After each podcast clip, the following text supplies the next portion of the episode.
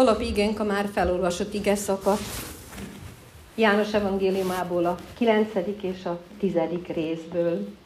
És abból most egyetlen egy mondatot, egy rövid mondatot ismételek meg, Jézus szavait, így hangzik. Én vagyok az ajtó. Eddig szól az ige.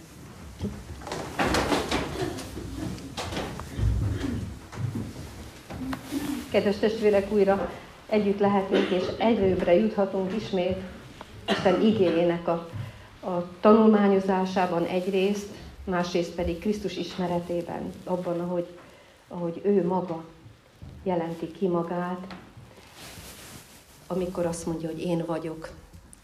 És ez a mai szakasz szintén közelebbre, közelebbre visz bennünket abban a, a megértésben, azért is, mert Jézus maga magyarázza meg, hogy mire is gondol. És akkor, amikor ő, ő értelmezi azt a helyzetet, ami kialakul, az ő csodatétel utáni helyzetet, akkor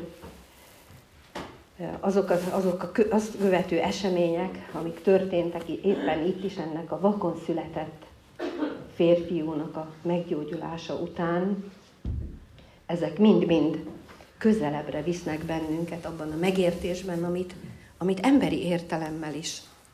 Tehát nem csupán egy, egy szellemvilágbeli képességekkel, valamilyen talentumokkal értünk meg, hanem annyira közel hozza Jézus ezeket az önkijelentéseket, hogy, hogy emberi értelemmel is felfogható, és rábólintunk.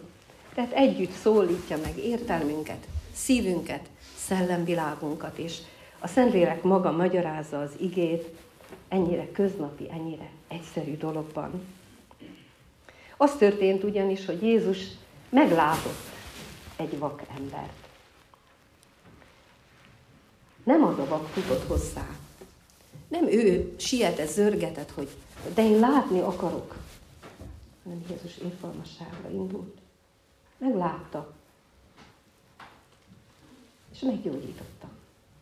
És aztán elváltak az útjaik. Olyan szinten nem tudott semmit ez a vakember az ő gyógyítójáról, hogy amikor megkérdezték a népvallási vezető, nem tudta megmondani. Na mi volt itt a gond? Az, hogy szombaton tette. És ugye, aki szombaton ilyet tesz, hogy, hogy sarat készít, tehát a földre köpött, abból sarat készített, a vakember szemére tette, és azt mondta, hogy menj el, gyógyulj meg, vagy most meg magadat a Siloám tavában. Erről most ugye nem beszélünk, de mégis, mégis egybecseng majd azzal, amit az ajtóról mondunk el. Mert ugyan Jézus is tette valamit, de elvárta ettől az embertől, hogy tegyen valamit. Tegyen a gyógyulásáért, hogy induljon, hogy engedelmeskedjen, hogy higgyen. Tehát a hit és a cselekedetek teljes összhangját látjuk itt. És miután ugye faggatják őt a, a farizeusok, az írástudók, hogy hát ki volt az, aki téged meggyógyított, mert az bűnös ember, az gonosz ember, az megszegi a törvényt, és ezzel voltak elfoglalva.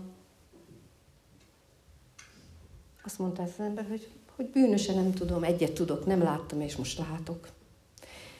És eh, hát olyan szintig ment ez a párbeszéd, hogy kiközösítették őt a közösségből, a zsinagógából.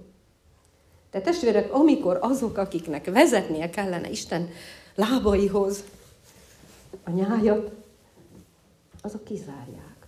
Tehát ilyen állapotok uralkodnak, mikor Jézus elkezd megint magáról beszélni. Ugye nem mulasztott el azt, hogy ezzel a vakember, meggyógyult vakkal újra találkozzon, és amikor elé állt, azt mondta, hogy hiszel te az ember fiában? Mert látta azt a nyomorúságot, amiben ez a szegény ember kerül. Hogy bár fizikailag meggyógyult, de a, a szakrális életből, a vallási életből, a az Isten elé való járulásból kirekesztették. Hát melyik volt jobb? A vakság, vagy az Isten útjától való elzárás? És Jézus oda ment hozzá, és, és hitre segítette. Egészen odáig, hogy ez az ember fölismerte, hogy nem csak gyógyítója, hanem megváltója is Jézus Krisztus. Hogy ő az, aki valóban Isten fia és fölismerte Jézusban azt, akit Izrael vár. Tehát nem csak fizikai értelemben gyógyult meg a szeme, a látása, hanem lelki értelemben is, hogy láthatott, látta, látta Izrael szabadítóját. És hát ugye ez volt az a, az ő hitvallása, ami kizárta őt a zsinagógából. És így jutunk el ahhoz, hogy mikor Jézus elkezd mondani, bizony, bizony, ez azt is jelenti, hogy amen, amen, hogy bizony úgy van, bizony, bizony mondom nektek. És elkezdi, elkezdi azt bemutatni, azt a, azt a hatalmat, ami az irgalmas hatalom. Mert a, a zsinagógai előjárók bemutatták, milyen az irgalmatlan hatalom. Hatalmuk volt rá, hogy bezárják a templomajtót. Hatalmuk volt rá, hogy azt mondják, hogy te nem jöhetsz oda be, mert bűnös vagy.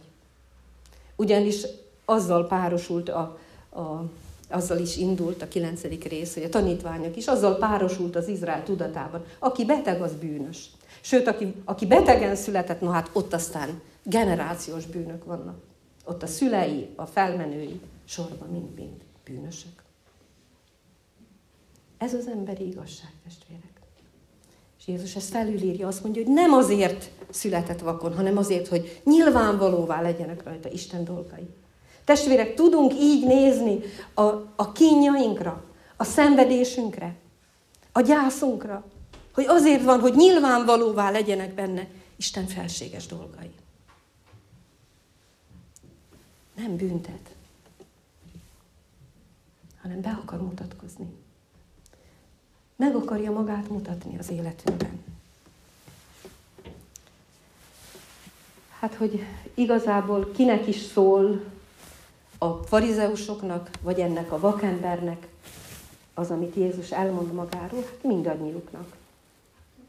És érthető is az a kép, amit Jézus itt elmond. Két dologgal hasonlítja magát. Az egyikben azt mondja, hogy én vagyok az ajtó, másikban, én vagyok a pásztor, a jó pásztor. Ma csak az ajtóval foglalkozunk, bár ez a kettő nagyon takarja egymást, de hogy Jézus ahogyan megmagyarázta, mert nem értették, közel, közvetlen környezete sem értette, a farizeusok sem értették, hogy miről is beszél. Holott az ő, ő életmódjukban ez egy nagyon ismert kép volt. Ugye a Izrael területén nagyon sok nyáj legelt. És ez a nomád pásztorlás, ez is közismert volt mindenki számára. Ha az Ószövetségbe visszamegyünk, és ha visszagondolunk, hogy hogy hány ilyen pásztor történetet olvasunk, olyat is, amikor a pásztorok nem fértek össze egymással, és a, a nyáj, gondoljunk csak Lót vagy Ábrahám pásztorai, vagy gondoljunk Rebekára, vagy gondoljunk akár a legnagyobbra, akit az Ószövetségben ismerünk, Dávidra. Tehát nagyon jól ismerték ezt a képet, amit Jézus használ és azt is ismerték, azt az életmódot, hogy a nyári hónapokban ez a nyáj bizony kint szokott, kint szokott te, éjszakázni is, de viszont nem annyira védtelen helyen, és nem is ilyen, ilyen villanypásztorokkal, vagy ilyen provizórikus kerítéssel, hanem ott nagyon sok volt a kő. És minden bizonyal egy nagyon nagy kőkerítéssel körülvett nagy akol volt ez a hely ahová a pásztorok éjszakára beterelték a nyájaikat. Több nyájat, sok nyájat oda betereltek. És amikor ott hagyták őket éjszakára, akkor egy őr, egy kapu őr őrizte ezt a nyájat. Tehát volt egy ajtó ezen az aklon, és Jézus azt mondja, hogy én vagyok ez az ajtó. Itt nem azt mondja, hogy én vagyok a jó pásztor, nem is azt mondja, hogy én vagyok az ajtóőr, azt mondja, én vagyok az ajtó. És ugye reggel, amikor jöttek a pásztorok, és szólították a maguk juhait, nem volt közöttük keveredés. Mindegyik nyáj jól ismerte a maga pásztorának a hangját. Követték, kijöttek, este bejöttek.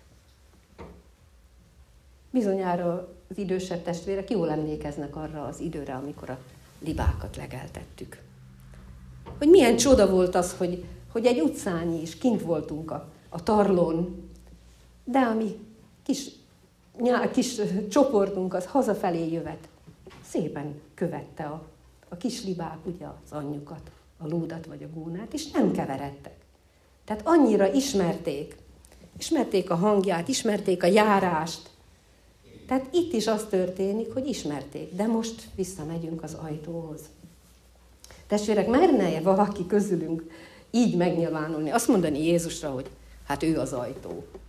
Vagy bármi köznapi dolgot mondanánk, mondanánk azt, hogy ő a szék, vagy az asztal. Hát Jézus magára ezt mondja. Én vagyok az ajtó. Annyira köznapi és egyszerű dolog. Mégis mindent takar. Ugye közismert az a, az a szép történet, amikor a király a három lányát maga elé hívja, és kérdezi őket, hogy na, melyiktek hogy szeret engem? És a legkisebb azt mondja, hogy úgy szeretlek, édesapám, mint az emberek a sót. Na hát ezt a kislányt elkergeti. És mire aztán kiderül, hogy a só hiánya, hogy mennyire átjárja az egész életét, és, és olyasmitől foszt meg, ami, ami az élethez szükséges. És végül aztán ugye visszahívja, és, és helyre áll a kapcsolat, és rájön, hogy ő a legkisebb szerette legjobban. Hát itt is az történik, testvérek. És a köznapi életből látjuk, hogy mi az ajtónak a szerepe. Tehát kimegyünk, bemegyünk rajta. Biztonságot is nyújt az ajtó, de ki is rekeszt valahonnan. Ha zárva van az ajtó, nem mehetünk oda be, ahol zárt ajtót találunk. És ez ma különösen nagyon jellemző, hogy, hogy eléggé meg vagyunk válogatva, hogy hova mehetünk be, és hova nem. Nagyon különbözőek, fából, vasból, alumíniumból, biztonsági ajtók, tűzálló ajtók vannak. Nagyon-nagyon sokféle ajtó van, vesz bennünket körül, és annyira meg is szoktuk, hogy, hogy naponta sokszor használjuk, és különösebben nem, nem figyelünk oda, hogy, hogy ennek milyen nagy jelentősége van. Elválaszt az ajtó elválasztja a tereket egymástól, a belső tereket a külső terektől. És, és az ajtóhoz viszonyítva derül ki az, hogy belül vagyok, vagy kívül vagyok. Hogy hol vagyok én. És ez az ajtó fogja ezt a viszonyulást meghatározni. Tehát az ajtóhoz viszonyítva derül ki, hogy én hol vagyok. Ezért is mondja Jézus, hogy menjetek be a szoros kapun. Ezért ösztönöz arra, hogy, hogy az szoros kapun át van a keskeny útra bejárat. Nem arra születünk. Sajnos mi a széles útra születünk. És a szoros kaput kevesen találják meg. De azt sem tehetem, hogy odaállok az ajtóba. És én magam nem megyek be, de azokat sem engedem be, akik bemennek. Ezt majd megértjük egy kicsivel később. Tehát Jézus saját magát nevezi ajtónak, de hova vezet ez az ajtó? Mit választ el az ő, ő személye, az ő lénye?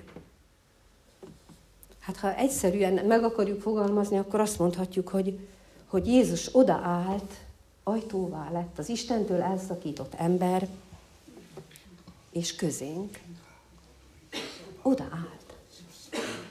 Mert elszakadt az Istentől az ember. Gondoljunk csak a, a paradicsomi történetre, amikor kiüzetett az ember az édenkertből, és kik álltak oda az életfájának a, az útjához? Kik álltak abba az ajtóba? Kérubok, az angyalok, tüzes pallóssal. Tehát el van állva, testvérek, az élet fájához való út. A bűneink elválasztanak bennünket az élettől, az örök élettől. Tehát nem érvényes Jézus nélkül az, hogy kiár és bejár, és biztonságban van, és legelőre talál. Lelki értelemben. Tehát nincs ez a szabadság, hanem túlszul ejtett az emberiség a bűnbe, bűn által. Ott van, ahol nem szeretne lenni, és akkor azzal oldja meg, hogy nem vesz tudomást róla, hogy hol is van, hogy kívül van.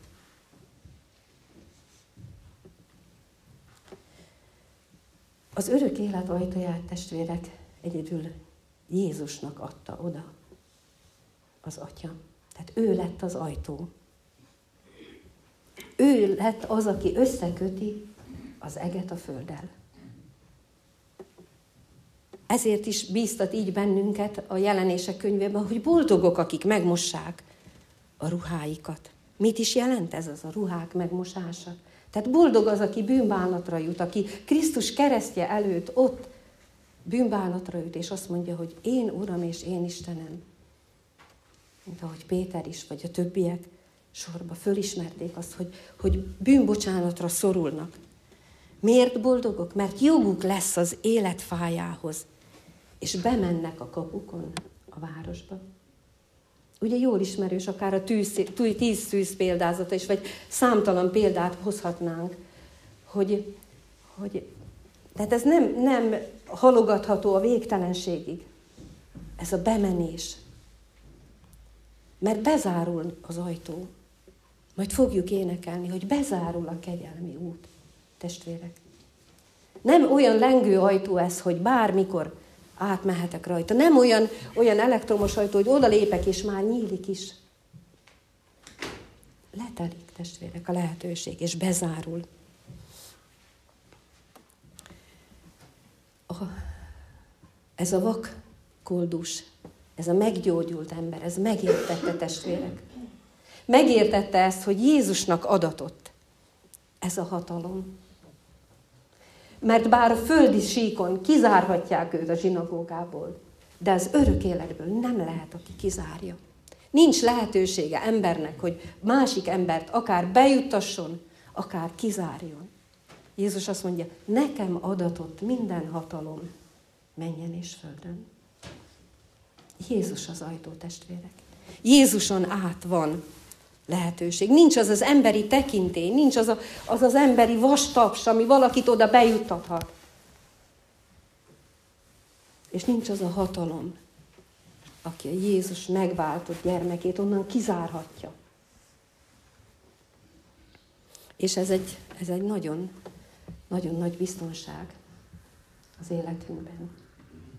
Tehát senki el nem veheti azt a győztes koronát, azt, amit egyszer megszereztél. Nincs az a, az a doping teszt, ami ezt a, az olimpiai aranyat valaki elvegye tőled, hogyha egyszer a tiéd.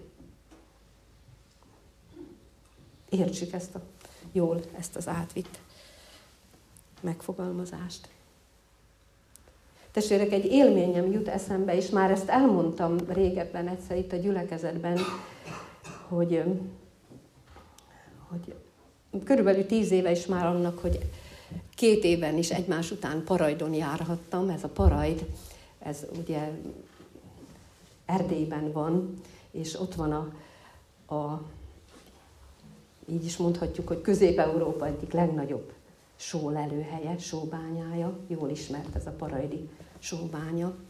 És hát nem csak fönt jártunk a, a bánya bejáratánál, hanem két ízben is lementünk oda a mélybe. Egyszer egy ilyen családszervezetek vezetőivel, máskor meg a, a szeretett szolgálat vezetőivel is. És az egyik alkalommal, amikor oda lementünk, lehet, hogy jártak ott már a testvérek, vagy ha nem jártak, akkor, akkor ez jó mélyen lent vannak, ilyen nagy tárnák, ki vannak ürítve, és azok a tárnák, azok ott látogathatók. És a több emeletnyi is az a, az a kiürített bánya rész, és úgy indulunk le, hogy amikor a vezető először is ott a bejáratban megmutatja azoknak az emléktábláját, a síremlékét, akik ott ilyen bányaomlásban elhunytak. Aztán beterelnek bennünket egy autóbuszba, és az az autóbusz visz le bennünket a mélybe, több mint egy kilométer úton. 1250 föl is írtam, mert megnéztem, hogy milyen hosszú ez, a, ez az út oda le. És aztán, mikor leér az autóbusz, akkor van egy hatalmas nagy ajtó az egyik oldalán ennek a, ennek a bányának, és ott az utasítást követve lehet csak haladni. Tehát teljes sötétség volna, de ki van ugye világítva, jól föl kell öltözni, mert hideg van ott lent, és végig mutatják azokat a helyeket. Sok minden ki van ott alakítva, például a kápolna is el lehet ott csendesedni, vannak ott ilyen gyógyulásra kijelölt helyek, ahol ott sokan ott ülnek, és, és belélegzik ezt a tiszta sós levegőt, és azzal ott gyógyulnak. És játszótér, szóval több minden ki van ott alakítva. nemzeti emlékhelyek is vannak ott. És amikor az egyik alkalommal, amikor jöttünk volna már ki, akkor valahogy egy kicsit hosszabban várattak bennünket ott a, annál a nagy ajtónál, vagy nem érkezett még meg az autóbusz. És hát ugye nem volt szabad onnan mozdulni. És mindaddig nem volt szabad mozdulni, amíg ez a hatalmas ajtó meg nem nyílt. És ott bizony egy kicsikét úgy átélhettük, vagy átéltem azt, mit jelent ez az elveszettség. Mit jelent az, hogy, hogy kirekesztve lenni? Mit jelent az, hogy nincs az, az élethez út? Nincs nyitva az ajtó. Ha nem nyílik, akkor ott maradok a mélyben, ott maradok a reménytelenségben, a sötétben. Ott maradok azok között, a maró, sós falak között. És milyen kegyelem is az, hogy nyílik az ajtó. És kijöhetek. Kijöhetek abból a mélységből. Hogy nem csak énekelem, hogy a nagy mélységből szüntelen hozzád kiáltok, Istenem, hanem, hanem kijöhetek. Van kifelé út, van egy ajtó, és van ki út a világosságra. Nem kell a sötétségben maradni. Ez egy kép, testvérek, az ajtókra. Nyilván, nyilván számtalan ilyen képet el, elsorolhatnánk, hiszen, hiszen maga Noé is ugye Istentől azt a parancsot kapta, hogy ajtót is készíts a bárkára. És azon az egyetlen ajtón mehetett be minden élő, hogy megmeneküljön. És mit olvasunk, testvérek? Hogy amikor mindenki bement, kizárta be az ajtót. Isten bezárta az ajtót. És aztán már hiába törömböltek ott, hogy nyiss nekünk ajtót. Nem lehetett kinyitni az ajtót.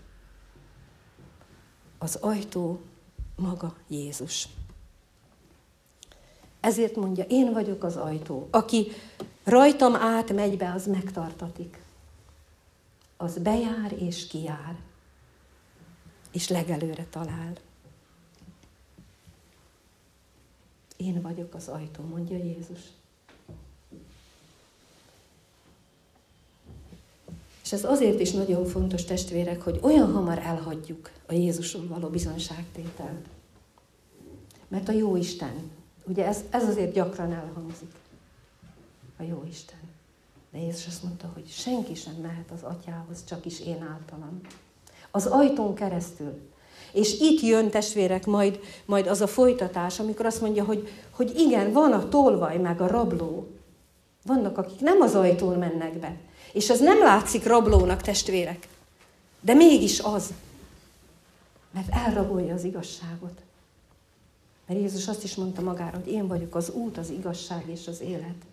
Elrabolja azt az igazságot, hogy, hogy neki tulajdonítsuk a megváltásunkat. És azt mondja, azt mondja a köz, közember, hogy hát hiszen nagyon jó ember volt, hát biztos, hogy a mennyországba jut. Ismerte Jézust? Tudta, hogy én vagyok az, aki veled beszélek. Megkérdezte ezt a vakot is, meggyógyult vakot Jézus. Tudod te ki az ember fia? Tudod te ki a világ megváltója? Találkoztál vele? Megvallottad? Hittél benne? Követted őt? Átmentél azon az ajtón? Hát tudom, testvérek, hogy kint vagyok, vagy bent. Tudom, hogy bejöttem a templomba, vagy kimentem. Bementél? Tudod, hogy ki, ki az az ajtó, akin át van út az örökké valóságba? Azt mondja a Zsoltáros is, hogy, hogy vizsgálj meg, Istenem, engem. Vizsgálj meg. Ismerd meg a szívemet, próbálj meg, és ismerd meg a gondolataimat. És nézd meg, hogy nem járok-e téves úton. Testvérek, mikor ide jövünk, vagy amikor leülünk az ige mellé, akkor ez történik. Kitárjuk a szívünket. Istenem, vizsgálj meg, áldott orvos, vizsgálj meg. De nem állít meg, hogy nem járok el téves úton, hanem van egy kérése. És azt mondja, hogy, hogy vezess engem az örökké valóság útján. Van az örökké valóságnak útja. Nem 60-70 esztendő, vagy talán 80, hanem örökké tart. Van az örökké valóságnak útja, amire itt lépünk rá, testvérek. Itt, ezen az örökké, ezen a, ezen a földi úton. Itt kezdődik. Azt mondja Jézus, elközelített hozzátok a mennyek országa. Lehet, hogy most minden rendeződik át, testvérek, és, és változnak határok, és, és birodalmak, és mondják is, hogy olyan korban vagyunk, hogy átrendeződik ez az egész világ. A mennyek országának a határai nem fognak átrendeződni, testvérek. De lesz, lesznek rablók és tolvajok. És testvérek, tudják mi a szomorú? Hogy ebben a történetben itt a tolvajok és a rablók, azok Izrael vezetői. Izrael vallási vezetői. És ne gondoljuk, hogy csak akkor történt ez. Sajnos minden vallási vezető, aki magáról beszél, aki maga után hívja az embereket, aki, aki elhanyagolja Jézushoz vezetni, neki adni a dicsőséget, és, és Jézusra mutatni minden, minden dolgában, életében, beszédében, döntéseiben, az megrabolja. Megrabolja ezt az utat. Az megzavarja anyát. Mi történik, mikor a rablók jönnek? A tolvajok. Öl, lop, pusztít. Hogyan? Nem kell, hogy, hogy bármi kárt tegyen abban a nyájban, de éppen elég, hogy zavart kelt. Mert ez a nyáj magát is tapossa már, amikor, amikor veszélyt lát. Elég, hogyha zavart kelt abban a nyájban. És éppen ezért, testvérek, nem csak a lelki vezetők, bármelyik családfő, bármelyik, bármelyik közösségben, aki felelős valakikért, az már, már felelősen kell, hogy viselkedjen. Nem hagyhatjuk el, testvérek, a Krisztusról való bizonságtételt. Ő az ajtó. És aki nem rajta keresztül közelít, az tolvaj. Az rabló. És ezt is értsük jól. Nem, nem az a probléma, hogy, hogy fizikailag rabolnak ki bennünket. Attól nem kell félni, aki, aki még attól sem mondja az ige, aki az életet elveszíti, hanem aki el tud kárhoztatni. És van ellenség. És ez nagyon komoly dolog, hogy van ellenség. Hogy van, van aki, aki kárt akar tenni. Följegyeztem ide magamnak Éli főpapnak a, a fiait, akik, akik hát olyan bátran beleavatkoztak az Izrael népének a vallásos gyakorlatába, hogy ott az áldozatok körül, ott absztentségtelenítették meg. Ezt szúrtak a villáikkal a, a, az áldozati ö, falatokba, és, és elvették. De elvették a büntetésüket is. És testvérek, nem, nem Krisztus dicsőségét rabolta az meg, amikor, amikor a, a bűnbocsátó cédulákért osztotta az egyháza az irgalmat, a kegyelmet. Meg lehetett venni az üdvösséget. És nem olyan, nem olyan nehéz, testvérek, el, eltérni az igazságtól. Nem olyan nehéz keresni kiskapukat, hogy, hogy ilyen érthetően beszéljek az ajtó mellett. Nagyon is hajlamosak vagyunk mi kiskapukat keresni. Egy kis jó cselekedet, egy kis egy kis előnyt valamilyen módon. Egyenes úton járjatok. Az ajtón lépjetek be. Megnyílik az örökké valóság. És Pálapostól is azt mondja, hogy, hogy bizony tudom, hogy távozásom után majd ragadozó farkasok jönnek. És nem kimélik a nyájat. Nem az lesz az érdekük, hogy a nyáj megkimélődjön, mert a ragadozó farkas az, az nem, nem a kiméletes. Mert ugye a pásztornak majd jövő vasárnap bizonyára lesz róla szó, hogy az is volt a dolga, hogy gyógyítsa azt a nyájat. Nem csak az, hogy fejje, meg nyírja, ahogyan ugye kárhoztatva vannak a, a pásztorok az Ószövetségben is. Tehát a mi főpásztorunk előbb önmagát adta a juhokért. Előbb a szív szabad akaratát kéri, és nem erőszakkal. Azt mondja, hogy követnek. Nem azt mondja, hogy, hogy oda vannak kényszerítve, hanem szabad akaratból követnek. Tehát Jézus fölkínálja ezt a, ezt a szabad döntést, ezt a szabad lehetőséget, és, és nem úgy akar uralkodni az emberi lélek fölött, hogy törvénytelenül. Még ebben is törvényes, hogy meghagyja az embernek azt a szabad akaratát. Megszabadít a bűntől, és mit tesz az utóbbi? Az pedig a bűnben tart. A rabló. Az cinkosokat keres. Megszabadít a fájdalomtól, az utóbbi pedig fájdalmat gerjeszt. Tehát nagyon nagy különbség van a, a két hatalom között, amit itt most felvázoltunk. Az egyik szabadságra hív, ételt kínál, azt mondja, mellettem legelőtt találsz, ki és bejársz, a másik pedig fogva tart. A másik pedig kényszerít. Ezért is bíztat az ige, hogy ne attól féljünk, ugye, aki a testet öli meg, hanem aki a lelket is el tudja, el tudja kárhoztatni. Isten adja meg itt nekünk, mindannyiunknak, hogy fölismerjük azt a, azt a kegyelmet, ami Krisztusban jött. Hogy átlépjünk ezen az ajtón. Hogy szabadságra, az Isten gyermekeinek a szabadságára jussunk el, mind akik önként, szabad akaratból követik őt. Amen.